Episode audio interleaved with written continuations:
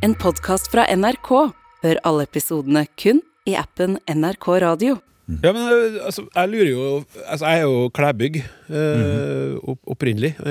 Kunne jeg da ha vært egentlig like gjerne vært klæbuværing eller klæværing. Ja, men skal vi ikke komme tilbake til det litt senere? jo, jo, jo, jo, jeg bare lurte. Absolutt. Takk skal du ha.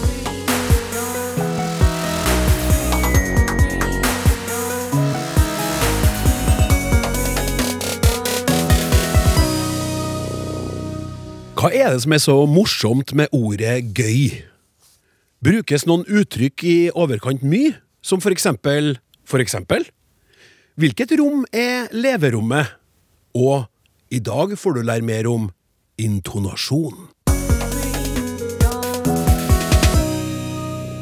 Ny uke, nye muligheter til å bli heftig begeistra, fullstendig forvirra eller grundig irritert over tekst og tale, lest eller hørt. Har du noe på hjertet som enten har gjort deg hjertevarm eller gitt deg hjerteklapp? Skriv til oss. Snakk krøllalfa.nrk.no. Gode spørsmål og innspill får vi aldri nok av, ei heller lyttere. Rundt om i Norges land så finnes det jo flust av språkinteresserte mennesker. Gledelig mange av dere har allerede funnet frem til oss, men her er plass til flere! Fremsnakk gjerne språksnakk når det passer seg sånn. Under søndagsmiddagen, eller når du trekker frem en språklig funfact på vorspiel. Og husk gjerne også å nevne at episodene legges ut som podkast i appen NRK Radio hver fredag. Det var egenreklamen.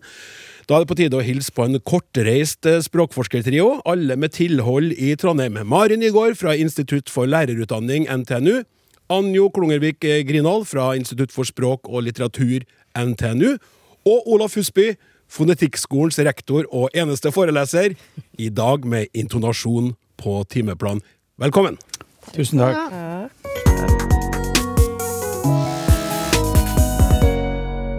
Hei!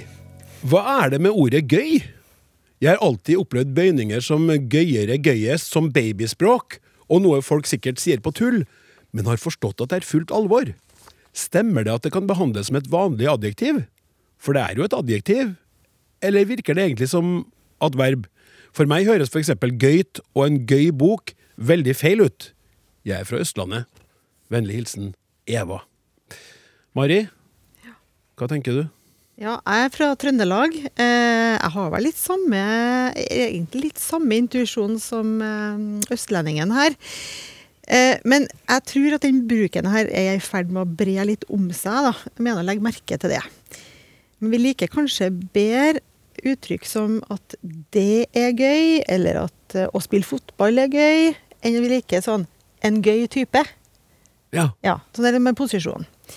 Og så er det sånn at De fleste sier at noe er gøy, men hvis det er gøyt, så tror jeg vi nærmer oss mer bergensområdet. Eh, blant annet så Erna Solberg, da hun eh, innkalte nye statsråder, så sa 'velkommen til gøyt arbeid', sa hun. Hun sa det, ja? Ja, sa det. Og eh, også funnet treff med hun Desta Marie, tror jeg hun heter, hun som er, hun tror jeg er bergenser. Eh, hun sier et eller annet eh, 'behind the scenes' på et gøyt, hektisk prosjekt. Så der, I Bergen så brukes gøyt som uttrykk, men eh, jeg må si at jeg bruker ikke så veldig mye. Når det er snakk om den forskjellen mellom det med boka var gøy, eller det var gøy, og en gøy bok, som jo innsenderen er litt inn på, så tror ikke jeg det er snakk om forskjell mellom adjektiv og adverb. Nå blir jeg litt teknisk, men det er heller en snakk om adjektiv som brukes attributivt og predikativt. Attributivt? Er ikke det flott? eh, og da er det attributivt når det står foran substantivet, sånn som i 'én gul bil' eller 'én artig sang', f.eks. Mens det er predikativt når det er 'bilen er gul' eller 'det var artig'. Ja. Ordklassen adjektiv er den samme, men det står forskjellig plass i setninga. Artig eller gøy at du tok inn artig, for jeg skulle akkurat si at Ja. det er jo kanskje det vi trøndere bruker mer for gøy enn Ja, gøy. selve ordvalget. Sånn, så jeg Ja. bruker jo ikke gøy så ofte i seg sjøl. Men jeg har lagt merke til at jeg bruker det faktisk mer og mer, så jeg tror innsenderen er inne på noe. At det er liksom i ferd med å bre om seg litt. Gøy er på glid. Gøy er på glid, ja. Ja. Og det er noen sånne adjektiv. Eh, Urd Vindenes og Hans Olav Enger har skrevet en artikkel om dette her. Og de eh, legger merke til at det er noen sånne mønster i noen adjektiv som helst ikke vil stå attributivt, altså foran på den måten. De har eksempel på ille, f.eks. Eh, det er litt rart å si en ille tilstand, men at tilstanden var ille, det går fint. Eller at huset er verdt en million, men et verthus blir veldig rart.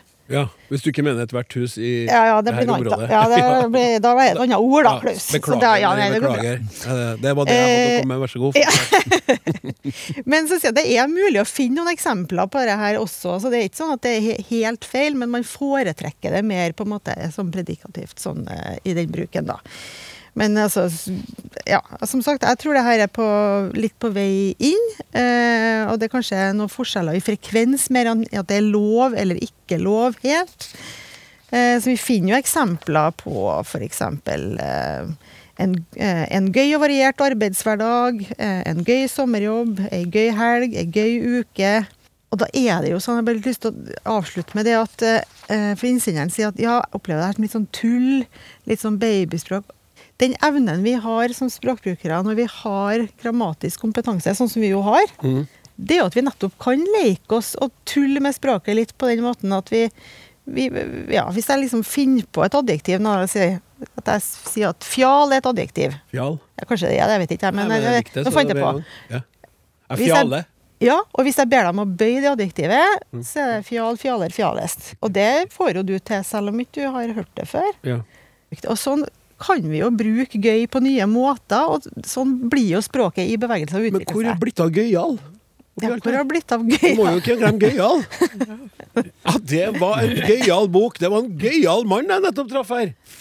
Ja, og det var gøyalt. Østlandet, bare- tenker jeg. Det Østlandet, Det ja. gøyal. Ja. Ja. Det har litt mer sånn alderssvung over seg, ikke det Ja. Jo, det kan være. Litt mer Det er så bare gøyalt å se hvordan du reagerte når jeg plutselig brakte inn gøy- gøy- gøyalt oppi alt det. Jeg synes det var artig. Alternativt artig. Ja, det var det, ja. Tusen takk skal du ha. Da går vi over til et eh, veldig annet spørsmål, selvfølgelig. eh, Men også eh, det er, Her er også gøyt, men, men i, i en helt annen retning. Hei, Språksnakk!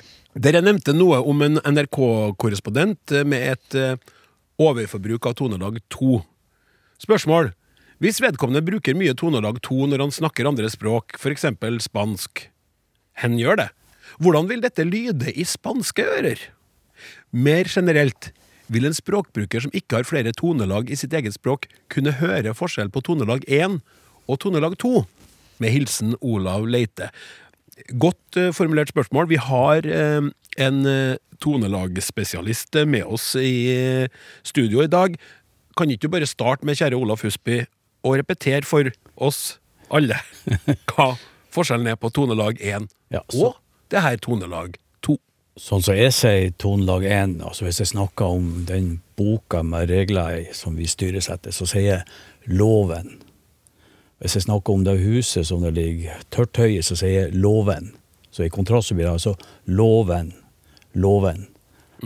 Nå er jeg nordlending og har en annen eh, kontur på den tonen enn Jeg vet ikke Anjo, hva du sier. Loven og låven. Så det en Fikk det til mye bedre enn når jeg skulle gjøre det til deg. Ja. For du har en litt sånn sang i stemmen din som kanskje vi trøndere ikke har. Går det er lov å bruke det uttrykket når man sitter iblant flo- språkforskere? Se på det. Det kan, ja, det, det, jeg tar det som en kompliment. Nei, men det, det det handler om, det er jo hvordan tonene går gjennom de to stavelsene. Og hos Anjo så, så er det en annen kontur enn i, hos meg. da. Men så var det spørsmål hva er det som, eh, som skjer når man begynner å snakke andre språk. Vi kan jo bare ta et, et lite, en liten test der. Ja, det var en sanger som heter Randi Hansen. Hun har tonelag to på begge navnene sine. Randi Hansen. Hvis hun skulle introduseres i England, hva vil hete da? Hva man vil si da? This is Randy Hansen. med tonelag 1. Og da greip du nå til tonelag 1 med en gang. Intuitivt, ikke sant? For du, hvorfor? Ja, for du vet det er ikke tonelag 2 på engelsk. Nei, nettopp. Det var derfor jeg gjorde det. Ja. Så Det har jeg lært meg uten å tenke på det. ja. For at vi lærer jo engelsk fra vi er så små. Så Ja. kan har aldri lært deg noe engelske ord med tonelag to, da? Nei, jeg har ikke gjort det. Nei. nei. Så ble jeg, ble vært en veldig utspekulert lærer da, som har sagt at man skal lure på. Skal Ja, lure altså- i tonelag to i engelskundervisninga mi. Det er ikke altså. Nei, Nei altså Alternativet er jo bare This is Randy Hansen. Og det høres jo eh, i hvert fall ikke engelsk ut. altså. Jeg tror at hvis vi vil bruke engelsk til å, til, til, til å skape humor, så sier vi Randy Hansen. Ja, ja. Eh, ja, ja, så- ja. Fordi at det, det bryter med noen forventninger om hvordan engelsk skal høres ut, og da blir det morsomt. Og jeg tror vi har intuisjoner om eh, når vi lærer andre språk. Vi plukker opp at her er toner, her er, her er ikke toner. Og eh, på spansk, altså, hvis man skulle si noe om et tonelag to, så blir det òg rart. Altså, jeg har bare kortsetninger som eh, på spansk heter eh, Cuando alguien habla español con tonos noruegos suena, ra, suena raro. Det betyr når noen snakker spansk med tonelag to, så høres det rart ut. Så hvis jeg prøver å si det på spansk, sant? Cuando alguien habla español con tonos noruegos suena raro, så kan jeg putte inn en tonelag to her. Cuando alguien habla español con tonos noruegos suena raro. Vanskelig der. Det blir også veldig mye mer Olaf Husby her. Ja, men ikke sant eh, Når jeg, altså Strukturen i spansk den ligger til rette for å lage tonelag to, men jeg vet at ikke bruk den tonen når du snakker spansk. ikke sant? Men hvis vi refererer til i, uh, utenrikskorrespondenten utenrikskorrespondenten Han skifta mellom to norske eh, dialekter. Og denne si, Fordelinga av tonelag 1 og tonelag 2 vil variere litt. Og Noen ganger så kommer han inn på ord som han kanskje har som tonelag 1, og så har han en idé om at ok, det må jo være tonelag 2 på en annen plass. Og så bytter han. Så der tror jeg Det blir, mye, mye mer usikkert da. Ja, er Derfor vi kanskje Ja. legger mer merke til det Ja, også, for ja. at det en sånn leting etter riktig tonelag. Men det var jo også spørsmålet om man hører det her. vi, vi har Ja, vil, vil en språkbruker som ikke har flere tonelag i sitt eget språk, kunne høre forskjell på tonelag 1 og 2?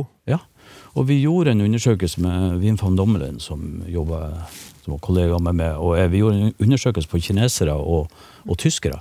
Og kinesere de har jo toner i sitt språk, så vi forventer jo at de vil plukke det her opp fort, høre forskjell, mens eh, tyskerne vil ha mer problemer. Og det første, eh, det første var eh, Vi spurte bare er det forskjell på, på ord som loven og loven. Nesten alle kineserne sa ja, vi hører tydelig forskjell. Mens tyskerne de hadde en score på sånn eh, rundt 80-85% Så veldig mange hørte forskjell, men en god del hørte ikke forskjell på loven og loven. Og så hadde, fikk de et lite kurs hvor vi lærte eh, undervise at her er tonelag 1, her er tonelag 2, og så ble oppgaven da Bestem om det ordet du hører er tonelag 1 eller tonelag 2. Og da går scoren veldig langt ned. Så tyskerne det var sånn 50-50, og det betyr bare at du gjetter. Men kineserne de scorer eh, i underkant av 65% Så det er mye vanskeligere å identifisere en tone enn det er å høre en tone. Ja. Og vi hadde jo noen informanter som snakka norsk veldig bra, og som har lært ord med tonelag 2, og brukte ordene korrekt, men kunne ikke si om det ordet tilhørte, eller hadde tonelag 1 eller 2. Men ordet var rett, ikke sant? Ja. Jeg tenker kanskje vi kunne høre eh, eksempel på noen som har lært seg et annet språk. ja. Og så kan vi høre om det er noen som hører noe, noe norske tonelag 2 her. Det er nettopp gjort en, en, en undersøkelse på Ole Gunnar Solskjær. Ole Gunnar Solskjær. Ja, hans engelsk er nøye undersøkt av en engelsk forsker. Og det vedkommende fant ut var sånn i utgangspunktet sin, her er en, en, en, en bra andrespråksbruker.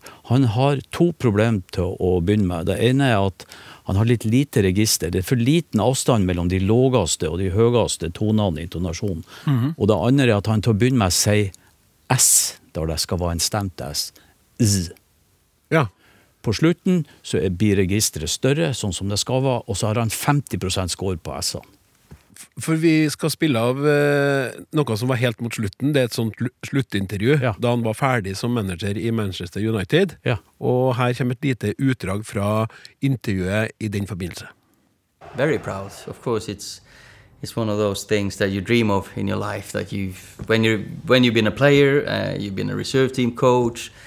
Your next job then is the only dream and the only thing that you, you haven't done is to manage the club, and I I have now, and it's been it's been a ball. It's been absolutely uh, enjoyable from first to the last minute. So- Jeg vet ikke, Anjo, du som underviser i engelsk, du si om, om engelsken?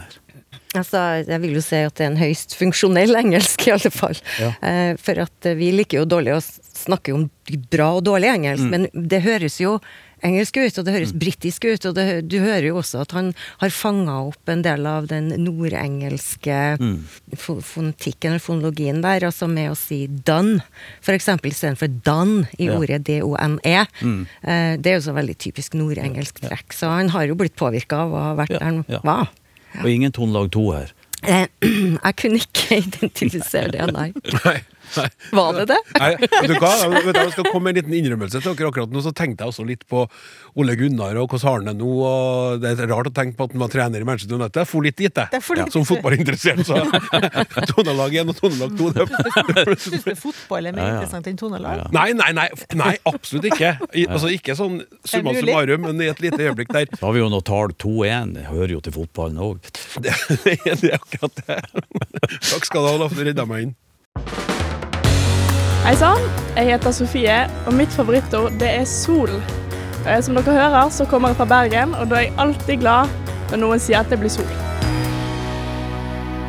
Ja, det er fint. Sola skinner i studio. Her er det god stemning. Du hører på Språksnakk, og vi eh, driver og boltrer oss i spørsmål sendt inn til snakk krøllalfa.nrk.no, som det her, for eksempel. Hei! Hva er det med uttrykket for eksempel som gjør at mange av oss føler at vi må gjenta det flere ganger etter hverandre? Jeg har lagt merke til fenomenet lenge, både i skrift og tale.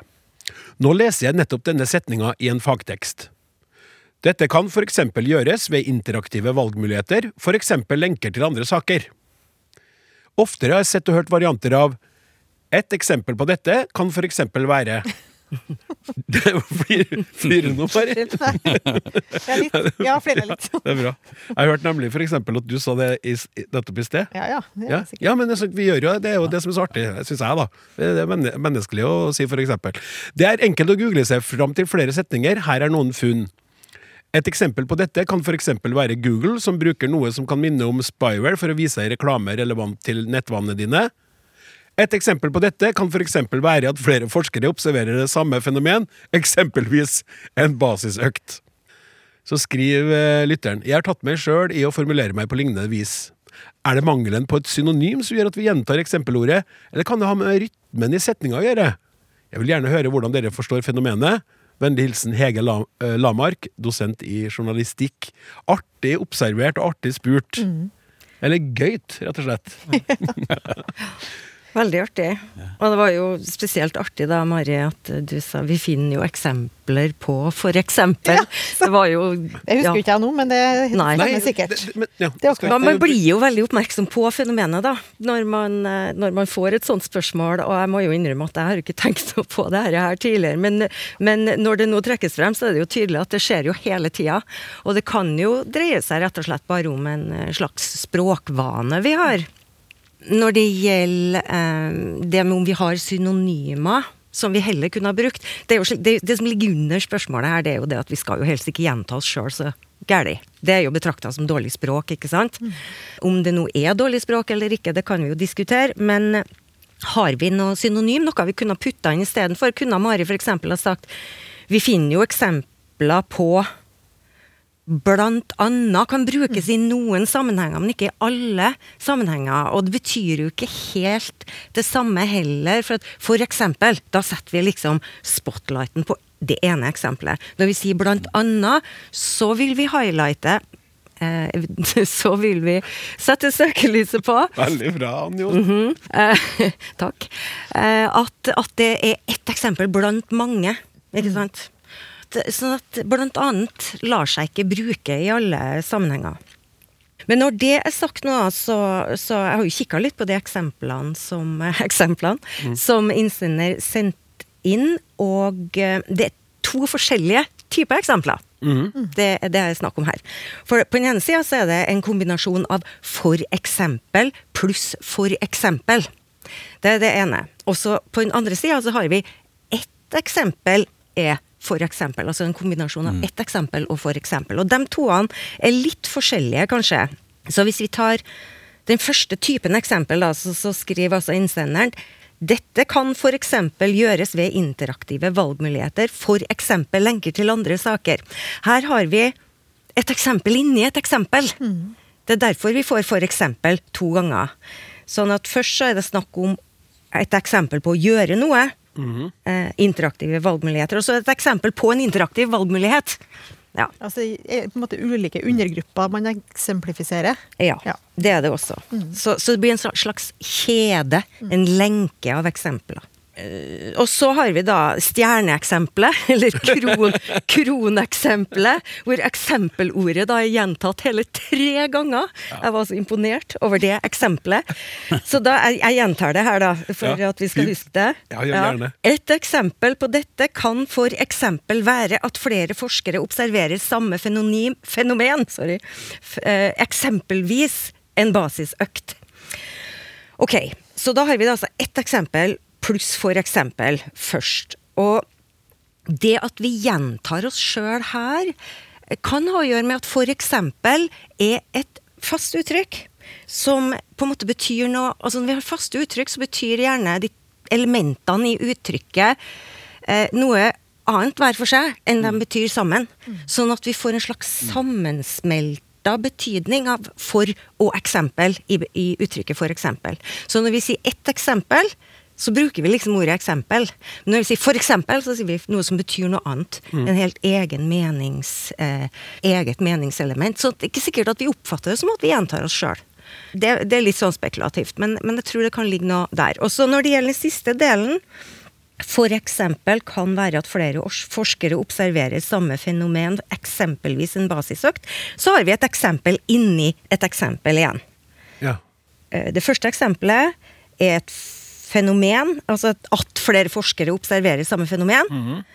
Og så det andre eksempelet er et eksempel på et sånt fenomen. Det er veldig komplisert, men, ja. men eh, ja. Eh, Så vidt jeg forstår nå, så er det her skriftlige eksempel på eksempelbruken. ja. Det er jo det som jeg syns er viktig det, å huske på for lytteren nå, nå, når vi skal røkte språket og passe på oss sjøl og prøve å ikke gjenta oss, så syns jeg det akkurat her er viktigere skriftlig. Men det kan nesten bli tungt å lese til slutt. Når du Ja, når bruker er eksempel oppå eksempel. Men når du snakker, sånn som du gjorde i sted, når du snakka, så er det jo annerledes. Det er jo den muntlige ja, men jeg, jeg, at jeg for eksempel aldri skal for eksempel gjøre det mer, men eh, jeg, kommer jeg jo til å gjøre. Ja, det er akkurat det jeg Ja. mener. At i dette tilfellet syns jeg det er stor forskjell på det. Fordi at du, Når du sitter og leser det, så nå snakker vi, og da, når det her ordene som jeg sier nå er sagt, så er de jo sagt, og jeg kan ikke kan lese en tekst og, og luke ut og variere Og vi kan, språket ditt. vi kan absolutt kutte ut en for eksempel her i det her uttrykket. Ja, Så vi kan si et eksempel kan være at flere forskere observerer samme fenomen. For eksempel i mitt tilfelle så tror jeg det var sånn at jeg brukte litt mens jeg tenkte meg litt om Ja. for hva neste ting jeg skulle si. Det var akkurat det som var poeng, poenget mitt. Altså, at, at det her blir en sånn der, eh, en, en plass hvor du kan sette foten ned litt. Grann, for vi planlegger jo ikke ytringer fra begynnelse til slutt når vi begynner å prate. Det kommer jo underveis. Og noen ganger så når du et punkt hvor du kanskje må og i stedet for å la det bli helt stille, ikke sant? så putter man inn en del ord. Endrer på det her og sier dette kan gjøres ved interaktive valgmuligheter som lenker til andre saker. Ikke sant? Så høres det på en måte gjennomtenkt ut. Men hvis at du blir dette kan uh, f.eks. gjøres ved interaktive valgmuligheter, uh, f.eks. lenker, ikke Ja. sant? så får du den lille så du kan planlegge videre. Ja. Ja. Når man snakker, Ja, når, når man man, snakker. når man skriver, da, så har man jo gjerne litt mer planleggingstid. Ja. Ja. Jeg tror også at det kan ligge noe litt annet her, og det er at f.eks. i noen tilfeller kan brukes som en såkalt demper. Mm. At vi bruker det til å uttrykke forsiktighet. Altså, ja, jo, men det her er jo et eksempel, men det er jo ikke alle mulige eksempler. Men det her er bare ett eksempel, liksom. Altså, vi understreker det. Men det å bruke dempere, og det å være veldig tentativ i måten vi uttrykker oss på, det er jo på, på lik linje med, med det å gjenta oss sjøl. Noe som gjerne betraktes som litt dårlig språk, da. Vi skal vite hva vi mener, og vi skal si det vi mener, og vi skal si det rett fram. Vi skal ikke drive og dille.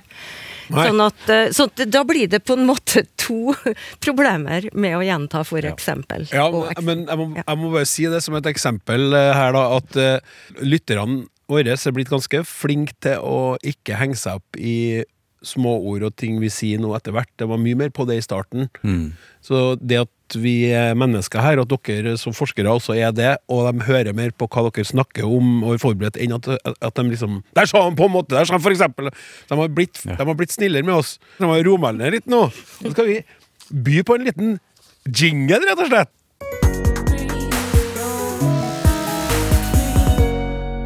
Så er det jo ikke bare spørsmål som kommer inn til e-postboksen snakkekrøllalfa.nrk.no. Det er også innspill fra lyttere på ting som tidligere er tatt opp, som eksempel denne e-posten.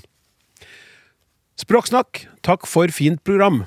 Forklaringen på å drite på draget syns jeg var mangelfull. Det betyr å gjøre noe feil. I dette tilfellet ble draget satt feil på, og med det havnet hestens avføring på draget. Når draget til vogn, skråstrek slede etc. ble satt rett på, var det rent og pent, selv om hesten gjorde det ene eller det andre. Vi har nemlig snakka om å drite på draget, og det draget og forklart det, men her får vi en liten justering. Fortsett den gode stilen deres for oss lyttere fra seks år og oppover. Med vennlig hilsen Jan Otto Fortun. Ja, det er fint. Tusen takk skal du ha, Jan Otto, for den lille korrigeringa. Og fra seks år oppover, nå skal vi til tredjeklasse musikk ved Mosjøen videregående skole, som vi tidligere har lest opp spørsmål fra. De driver med språkhistorie og spør Språksnakk i den forbindelse. Her kommer det andre spørsmålet de sendte oss. Vi vet at man på Island er opptatt av å bevare språket sitt og unngår engelske ord der de kan, men er det noen forskjell på de skandinaviske landene når det gjelder dette? Interessant. Mari? Jeg som jobber i, eh, med lærerutdanning på daglig basis, har bare lyst til å si hurra for at de sender spørsmål til Språksnakk og er opptatt av å undre seg og være nysgjerrig på språk. Så det ble jeg veldig glad for å høre. Ja, så enig et, med deg. Det er eh, fint at du sier. Ja. Ja. Så takk for spørsmål. Eh, ja, det er jo sånn at engelsk eh, er jo overalt. Eh, og det strømmer jo inn i både norsk og svensk og dansk og islandsk og alle de nordiske språkene det. Hvis vi stopper litt ved dansk, da, så er jo de litt ekstra hva skal jeg si, inviterende, kan vi bruke et sånt ord. De inviterer inn eh, engelske ord kanskje i enda større grad enn det vi gjør i eh, de andre skandinaviske språkene. Og ikke minst så er det interessant å legge merke til at de engelske ordene i dansk, dem, eh, i Danmark så holder man ofte mer på den engelske skrivemåten, og ikke minst også på eh, bøyingsendinger. Ja. Sånn at når du i dansk har ord, ganske mange ord som f.eks. computer med engelsk skrivemåte, weekend, teenager, så vil du i flertall beholde engelsk flertalls-S. Ja, ja, Så du får ja, f.eks. teenagers. ja. Teenager. Teenagers. Ja. Computers. ja. Weekends. Weekends. weekends. Jeg elsker Det er reise i weekend så har ha en computers med meg. Ja. Så møter jeg jeg er teenager. Spiller noen games. Og spiller noen games. Ja. Vi hele har mine computers, Ja, mine teenagers. Ja. Ingenting, Jeg får ikke ha mine computers i fred for mine teenagers! Flere meg mellom Cameloso. Nettopp. Også. Ja, sorry. Mens i norsk ville vi sagt, eller jeg, jeg trønder ville ha sagt uh, teenagere. Eller computere. Ja, det er sant. Ja, med norsk ending. Eh, mens i dansk tror jeg de beholder den engelske S-flertallen. Og sånn skiller nok dansk seg fra de andre skandinaviske språkene, at de holder engelsken eh, mer intakt, da, kan du si. Selv om vi har jo masse engelske låneord også i, i norsk, f.eks., og også i svensk. Mm. På Island eh, derimot så har man jo en sånn tradisjon for det som vi kan kalle purisme. Eh, som har lang tradisjon langt tilbake, mange hundre år tilbake, og som har vært viktig for dem politisk òg. Sånn at eh, oppslutninga om en sånn språkpolitikk, offisiell språkpolitikk om å bevare språket, har nok hatt større oppslutning, tror jeg, på Island. Og der er hovedretningslinja at alle nye begrep skal liksom få en egen islandsk term, da.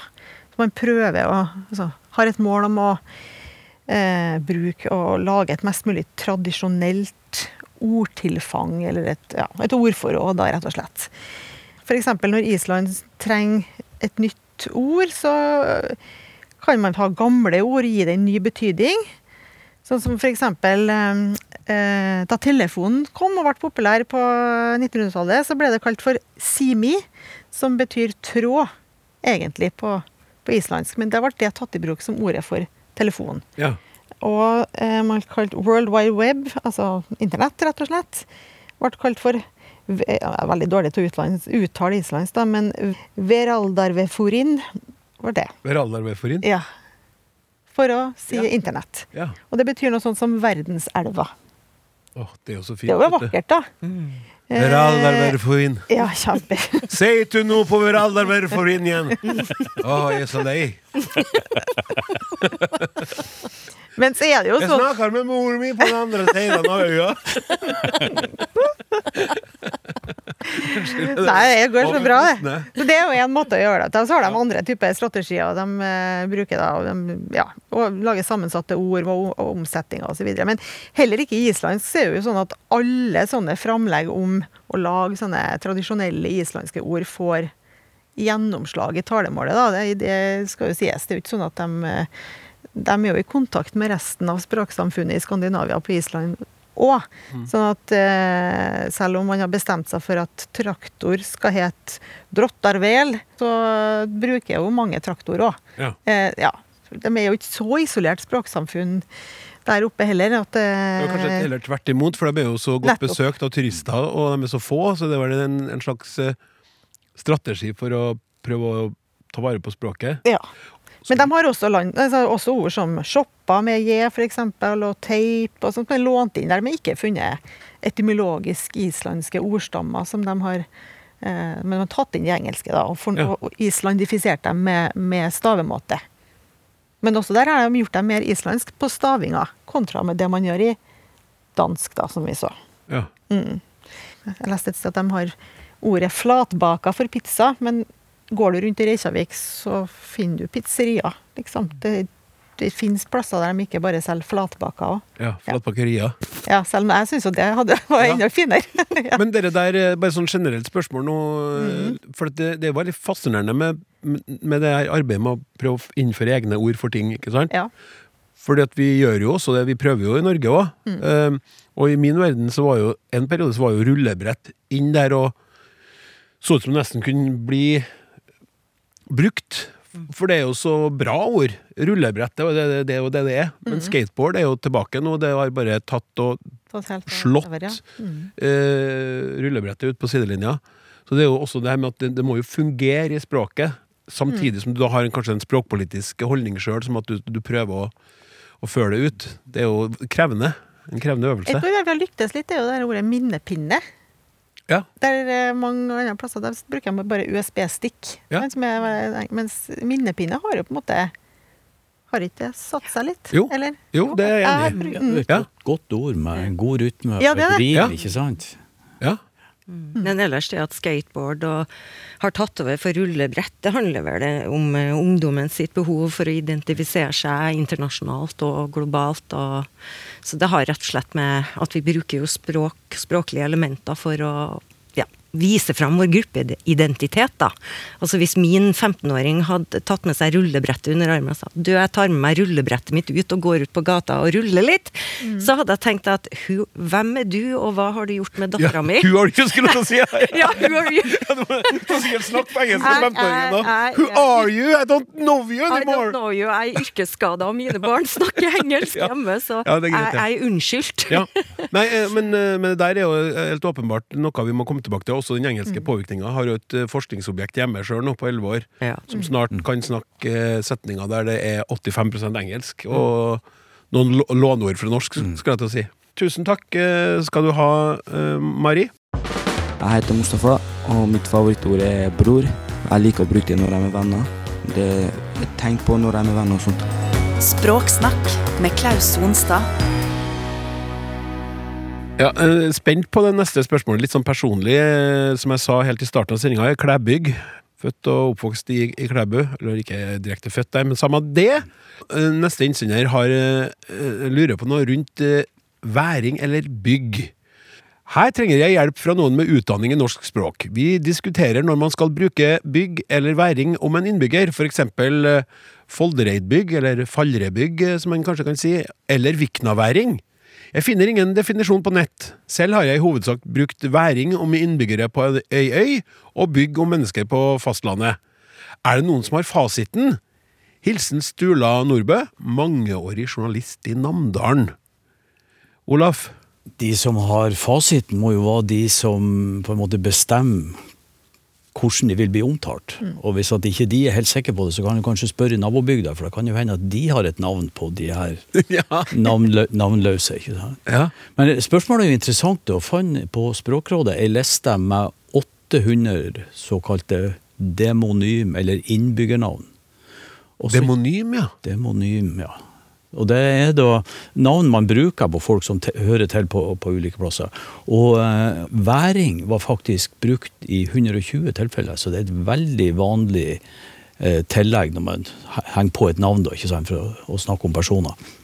Sannsynligvis er væring avleda av vær, altså det vi finner i et, et fiskevær. Mm -hmm. Og det er da, derfor er nok de fleste ute ved, ved kysten. Men på den lista så sto det òg Kautokeino-væring. Og da er man et stykke ifra, ifra kysten, ikke sant? Ja. Og rundt eh, 20 av de navnene her, de hadde òg ordet øy inne, sånn at du fikk da lurøyværing, askøyværing. Men en finner òg altaværing, bodøværing. Nå ligger jo de med kysten, ikke sant? Men, eh, så de er på fastlandet, men de er væring likevel, da. ja. Eh, og så står det i bokmålsordboka at væring er spesielt brukt i, eh, i Nord-Norge. Men, men jeg fant jo frøyværing, floraværing, holeværing, sier den i Buskerud. Sånn at det er Hytteværing, sikkert. da. Ja. Ja. Eh, og så er det bygda. Det er òg ganske vanlig. Jeg fant ca. 50 treff, og det brukes nesten utelukkende i Trøndelag. Så det er et trøndersk eh, uttrykk, da, eller et trøndersk tillegg som man bruker. Og, og du sa du var klæbygg. Ja. ja. ikke sant? Og, så det henger jo litt med Du har jo Selbu, og de som kommer fra Selbu, det er jo en Selbygg. Selbygg. ikke sant? Så det er nok en relasjon mellom bu og, og, og, og bygd der. Men det er ikke noe krav om at, at stedsnavnet må ha bu for at du skal bli en, en bygg, altså, nær sagt. Nei, det, det, det slo jo meg der. For, men hva er de oppe i Tydalen, lurer jeg på, da? Tybygg. Tybygg? Dalinga. Tydal. Tydalinga? Ja, Tydalinga. Ja. Tydalinga, ja. Det kommer enda en Inga. Daling. Ja. Daling. Daling, ja. Er man fra en dal, så er man gjerne Ja. en daling. Ja. Ja. Men spørsmålet er jo, eh, er jo hvorfor det ikke er Trondhjemsbygg. For det er det vel ikke? Nei. Det er trondhjemmer. Trondhjemmer. Trondhjemmer. Ja. Det er trondhjemmer, ja. Så er det noe med by og land også? Osloenser, Os er det ikke? ja. Ja, vi, jeg, jeg tenkte jeg skulle komme tilbake, for jeg fant jo en liste med er det 20 sånne renninger du kan Ja. eh, velge i. Og de, noen av de er litt eh, interessante, for de har, tror jeg ikke har sett opphav i norsk engang. Altså. Vi var på bygg, ja. Altså, er du fra Vinje, så er du en Vinjebygg.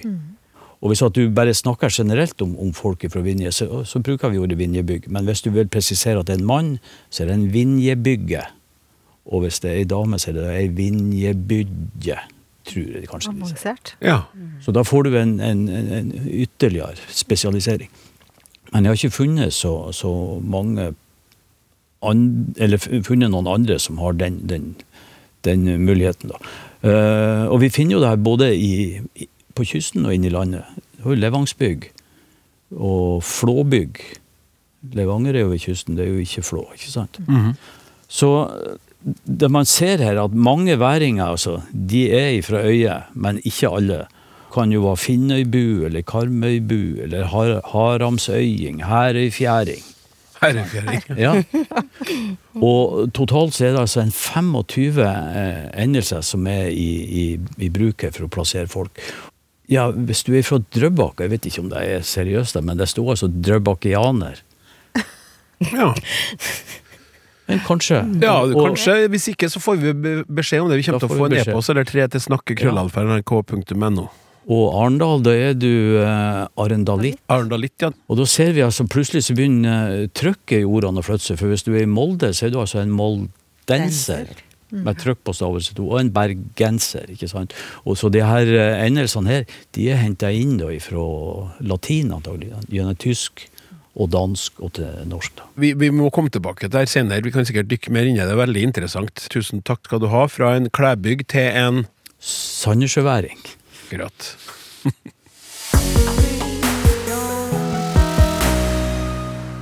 Hei!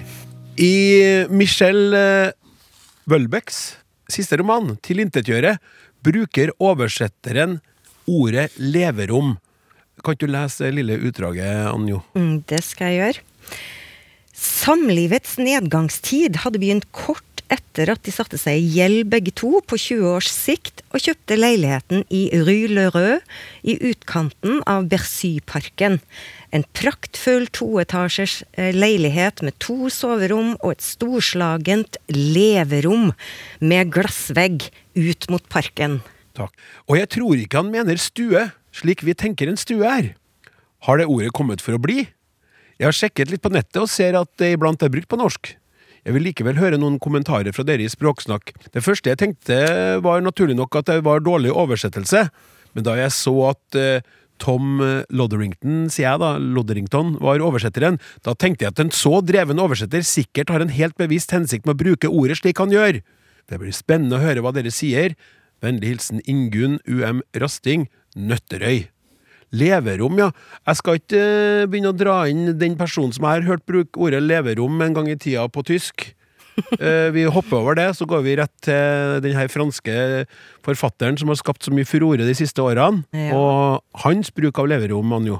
Ja. Altså, her er det jo snakk om eh, en, en litt sånn boligannonseaktig fremstilling av, av Eller beskrivelse av eh, en leilighet. Og på norsk, da, når vi bruker leverom, det gjør vi ikke så ofte, men den, hvis det er en gruppe nordmenn som bruker det, så er det jo eiendomsmeglere. Vi bruker leverom. Fordi altså Espace de vie, som er det franske eh, Espace de vie? Ja, Espace de vie, skrev Michel Walbeck i originalteksten her.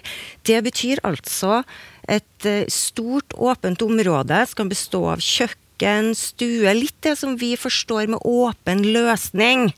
Ikke sant? Da, da, Som kunne ha vært en bok av Nina Lykke. en roman av hun.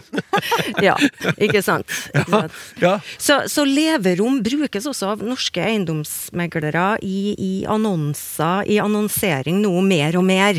Eh, Det der er så interessant. Jeg har ikke Ja. lagt merke til det, men det er selvfølgelig det. Ja. Det her rommet der, litt sånn kompakt kanskje også, ikke sant? Der, Ja. Som du sier, stue, kjøkken. Jeg syns det er hørt allrom òg, men Allrom har man. Ja, eh, men har man. leverom Leverom kanskje høres litt mer sånn Grandiose Ja. ut, ikke sant? Vi ut. Allrom, der, der sitter man og tegner med tusj. I et leverom så tar man seg et glass rødvin. Så, så, så det er vel antageligvis grunnen til at oversetteren har valgt det begrepet. eh. Men nå er det jo slik at det å være oversetter er jo ikke en enkel oppgave. Ord matcher jo aldri opp 100% det er alltid litt sånn slark mellom språk.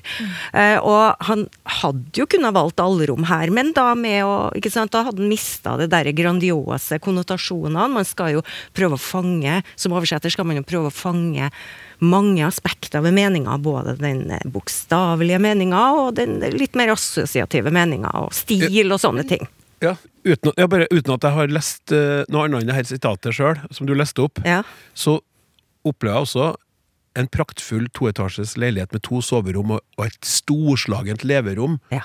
Det storslagent leverom er veldig annerledes føler jeg enn storslagent allrom. ja. Den, fø- den betydninga blir helt forskjellig bare av det byttede ordet. Blir det. Jeg bare tenker på den der, um, Når du sa den franske eh, 'espace de vie', -hmm.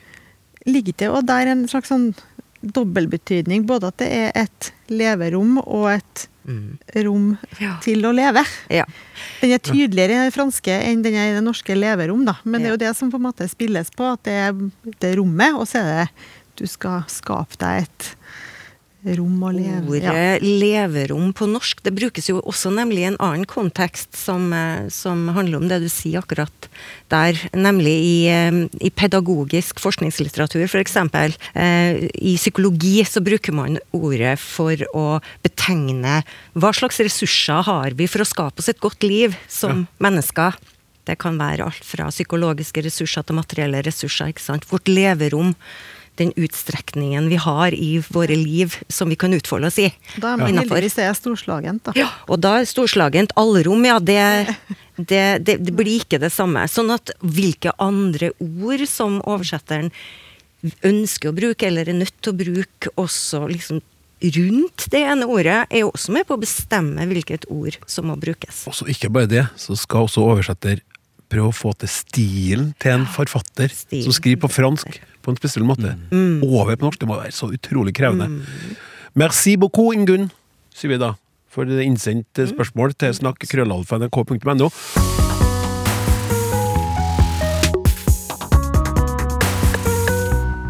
Sportsspørsmål, punktum, står det. Kan dere få sportsreporteren til å slutte å si at de eller den vraker folk? De kan ikke ta ut alle, noen blir valgt, andre ikke. Vrake er et veldig dårlig ord å bruke, og grunnen til at jeg har litt sånn, sånn sint stemme nå, det er masse utropstegn her. Dette irriterer meg, skriver Anonym. Mari? Ja, Kan vi få sportsreportere til å slutte å si at de vraker folk? Eh, Nei. Det, eller ja, det hadde nå vært fint hvis vi kunne ha den typen makt her i Språksnakk, men eh, Hallo, det er Mari Nygaard fra Språksnakk her. Du må slutte å si at du vraker folk, for at det syns eh, en innsender. Det syns de er dumt. Ja. Kan vi slutte med det? Nei, altså eh, Skjønner jo at innsenderen er provosert her, da. Ja, det ligger jo i å vrake. Det er jo at man velger Istedenfor å velge ut til noe, så velger man noe bort fra noe. Så det er jo feil å si at det er et negativt lada ord. Ordboka definerer vrake som det å forkaste som ubrukelig. Det er jo ganske sterkt. Det er jo ikke akkurat det samme som å bli Å, du ble ikke tatt ut til laget denne gangen, du. Det er jo mye, det er ganske mye sterkere formulert enn det, da. Eller satt på Sånn- Ja. Sånn at Hvis du hadde maila meg og sa at vet du, den den gangen i desember så ble du dessverre vraka til språksnakk, så, så det er klart jeg hadde jo blitt litt fornærma. Hyggeligere hvis jeg sier kan ikke du komme i januar? Eller liksom Den gangen her er det noen andre som skal være med. Ja. Nå må Ja. noen andre få slippe til òg. Ja, men det der er jo et kjempegodt poeng, Mari. Fordi at eh, hvis, også hvis, eh, hvis Olaf og Anjo hadde kommet da, og så sa hvor er Marianne? Hun ble vraka fra denne sendinga. Så ville jo de ha reagert. Og det er jo det, det, det, det. det, det der språket sportsutøvere må leve med. Og jeg har lest mange ganger på forsidene av nettavisene 'vraket fra landslaget'. Ja. Som en sånn Det er, det er ikke sjans, liksom. Du er, du er ikke med i, da er du ikke med i troppen, ikke sant? Nei, og da var det kanskje sånn at du var eh, en av Norges 20 beste, da, men du var ikke en av de 15 beste. Og da er det liksom vraking, da, på en måte. Det er jo Men spørsmålet er jo om, om, om det har eh, Det her ordet her har mista litt av sin betydning, sin negative konnotasjoner i, gjennom denne bruken, for det brukes jo så ofte. Det er jo, det er jo blitt på en måte et vanlig ord. Grunnen til at vi ler når vi snakker om oss sjøl som om vi skulle ha brukt det ordet i denne konteksten, er jo at i denne konteksten så bruker vi aldri det ordet. Så derfor så blir det latterlig og absurd, men i den konteksten så så har det kanskje blitt litt utvaska. Semantisk bleket. Sånn Som- har det, men, ja. for, men for innsender har det jo åpenbart ikke det. da. Ja. Eh, Jeg syns det er interessant hvis man sammenligner med sånn som i barnefotballen f.eks. Der, eh, snakker man- der ble man veldig provosert når folk snakker om å toppe laget. Det, er- der har man jo prøvd seg på Det er litt omvendt. Der har man prøvd seg på litt sånn positive ordelag. At man skal toppe et lag, at det skal være så positivt. Og det er jo folk veldig provosert over. Eh, Med rette, syns jeg. Ja, for da blir jo mange barn vraka. Nettopp. Men det skal ikke sies der, da. Men Nei. på landslaget så kan man si vraking. Men det der er jo egentlig en topping. Nettopp. Ja. Takk. Da, kjære alle sammen her i studio, og kjære deg som hører på, er det klart for Apa, Apa, ata, ata, atja, atra, aka. FO. FO. Fonetikkskolen. Fonetikkskolen eh, er her, og vi eh, har eh, aller siste leksjon, rett og slett. Foran oss nå rektor og foreleser Olaf Husby. Og i dag skal det handle om, har du sagt, intonasjon. Ja. Ja. Vær så god, sett i gang. Ja, i, I løpet av den serien her så har vi jo på en måte gått ei, ei trapp. ikke sant? Vi begynte på de aller minste delene, og så har vi satt det i hop til større og større deler. Og nå er vi kommet til, til intonasjoner som på en måte blir innramminga, den lydlige innramminga av talespråket. Folk nå kanskje ikke har følt som meg på, på sendinga til nå, men kanskje bare hørt det var noen som snakka, så tror jeg de har hørt at ok, der er en nordlending, der er noen trøndere. Og det vel de har hørt bare på den tonegangen som vi bruker når vi, når vi snakker, for det identifiserer jo oss geografisk òg. Ulike språk har jo ulike sånne toneganger, så du behøver kanskje ikke å, å høre eh, eller forstå et språk for å høre at ok, vedkommende da må jo være ja, amerikaner, eller har vi, en span, har vi å gjøre med en spanjol. da. Så du kan si at det, er på en måte som de store dønningene på havet. Og det andre vi har snakket om, da, trøkk, lengde, tone, det blir de her små krusningene på de store bølgene. da som vi utnytter for å på en måte lage et, et presist eh, språklig eh, uttrykk. Og I Norge eh, så har vi jo, vi deler jo norske dialekter i, to store grupper. Vi snakker om høgtonedialekter, som jeg har høgtone. Det betyr at når jeg kommer på en plass som må legge trykk, så må jeg gå opp. Jeg må si jeg skal gå til byen, ikke sant? Men hvis, at, hvis det er østlending, eh, så ville jeg sagt sånn Jeg skal gå til byen. Ikke sant? Du går ned. For østnorsk og trøndersk er lavtonedialekter. Dette er bygd inn i, i, i systemene, og vi, vi, gjør det uten å, å, å reflektere over det. Når man skal beskrive det her, det krever jo forskning. Og det her er ganske vanskelige uh, ting å, på en måte få helt tak på. Og det er ikke mye av norsk intonasjon som er beskrevet i detalj. Jeg har gjort et stort arbeid i Trondheim som heter Trondheimsmodellen, som man kan legge på østnorsk-trøndersk for å se på trekk ved, ved lavtonedialekter. Det er gjort litt på, på Vestland, og det er sånn små arbeid rundt omkring. Men vi har ikke noe samla beskrivelse av norsk intonasjon. Når du kikker på sånne beskrivelser av intonasjon, så vil du se det står f.eks. H for høg tone, L for låg tone. Du vil se noe sånn der stjernetegn for at det blir ekstra høyt og ekstra lågt. Du kan se noen piler som peker opp og ned. Men det her blir veldig abstrakt, og det krever lang tid framfor en skjerm å se hvor tonene går an, mm. for å på en måte lage systemet i det her.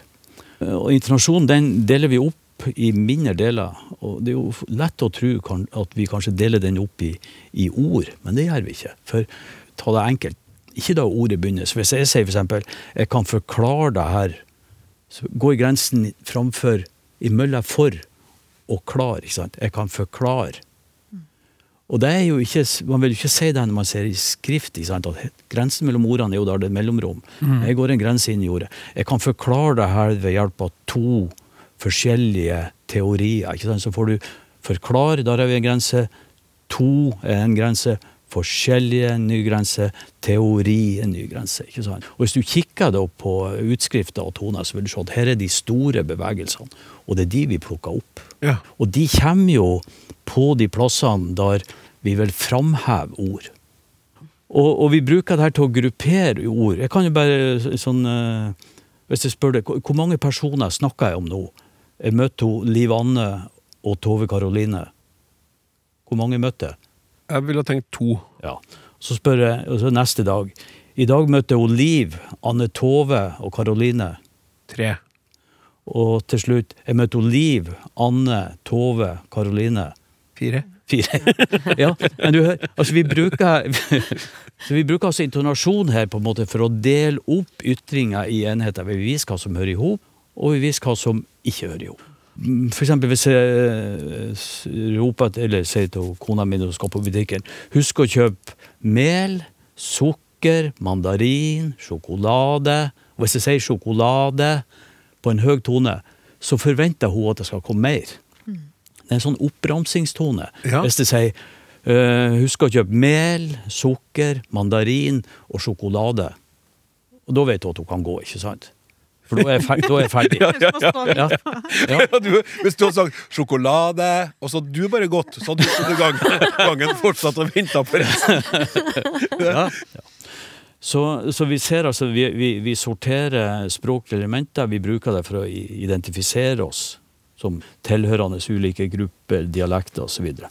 så det er ett trekk til som jeg har vært litt opptatt av, og det er det vi kaller for talerytme klassisk at man deler verdens språk inn i to grupper. Det blir veldig, veldig firkantig, altså, for det er flere kategorier. Men i noen uh, språk så passer man på at eh, rytmen er knytt til den enkelte stavelsen. Og rytmen mm. betyr jo at ting skal være like lang. Hvis det eh, kommer fra et språk som har den her stavelsesbaserte rytmen og begynner å snakke norsk, da blir det slik når jeg skal snakke norsk. At jeg har vært her i landet i mange måneder, og jeg kommer til å bo her i mange mange år. Så dat, dat, dat, dat, dat. Mm. Og det kaller jeg mange for maskingeværnorsk. Og går du inn og måler, så ser du at de stavelsene de blir ganske like i varighet. Mm. Mens i norsk bruker vi på en måte tida imellom hver trykksterke stavelse. Den må være den samme. Så hvis jeg sier eksempel og nå er vi jo på radio, men jeg skal prøve å bruke hånda. Hvis jeg sier Klaus og Anne og Liv, og så var det vel Tor, så kjenner vi takten blir den samme. Til tross for at det en plass har to, og så har det eh, tre, og så har det en fem-seks stavelser imellom. Og det jeg gjør, ikke sant, Klaus og Da snakker jeg sakte. Og så Liv, og så Liv, og så var det vel og så var det vel, ikke sant? Da må jeg snakke veldig fort for å komme på taktslaget. Ja. Så det typiske ved norsk er at vi snakker noen ganger sakte og noen ganger fort. I samme setning. I samme setning. Ja. For vi må på en måte komme ned på taktslaget. Og det her er vanskelig å lære seg når man lærer norsk. Ja. Heldigvis for oss så er engelsk av samme bruker jeg samme rytmen. da. Så vi kan bare ta vår rytme rett over i engelsk og snakke god engelsk. Men hvis vi begynner å snakke eh, spansk, så blir det ikke helt bra hvis jeg sier sånn Si yo hablo norvego así. Será fácil escuchar que soy extranjero, tal vez incluso que soy nor- norvega. Og da, da, da, Da da. vet du, skjønner ingenting. Nei, ikke sant? Men du hører, det blir en helt annen aksent. Ja. Ja. Så sånn, uh, det her er jo det kritiske ved språklæring, da. Få tak i intonasjon, Mm. sånn at det blir en, en god, god produksjon. Det har kolleger som ikke er norsk. De beholder litt av sin aksent. Nettopp for å få et lite sånn eh, litt slakke. For folk skjønner ok, vedkommende har ikke norsk som morsmål. Ok, Da gir vi vedkommende litt mer tid. Vi er litt mer Ja, sympatiske. beholder det liksom strategisk. ja, ja, du beholder det strategisk, i stedet for å bli 100 norsk. For da blir du behandla sånn som vi behandler hverandre. Altså. Ja. Du får ikke fullt så mye tid i en, i en samtale. Det er jo sånn, eh, kjære rektor og foreleser, at eh, vi skulle jo ha eh, holdt på mye lenger. Det har vært en stor glede å vært din elev sammen med lytterne. Nå, nå sier jeg det på vegne av alle sammen. Tusen takk. Vi skal selvfølgelig snakke mer om fonetikk, du kommer tilbake til språksnakk, men nå er liksom vårsemesteret og høstsemesteret unnagjort, og jeg tror at de aller fleste har lært litt, og at de har blitt mye mer fascinert av hvor mye som skal til for å faktisk få til å si det jeg sier nå. Ja. Så tusen takk skal du ha, Olaf. Tusen takk skal du ha, Mari. Og tusen takk skal du ha, Anjo, for innsatsen i dag. Språksnakk er over for i dag. Tekniker Martin Våge. Journalist Randi Lillehalteren. Produsent Hilde Håbjørg. Jeg heter Klaus Sonstad. Vi snakkes!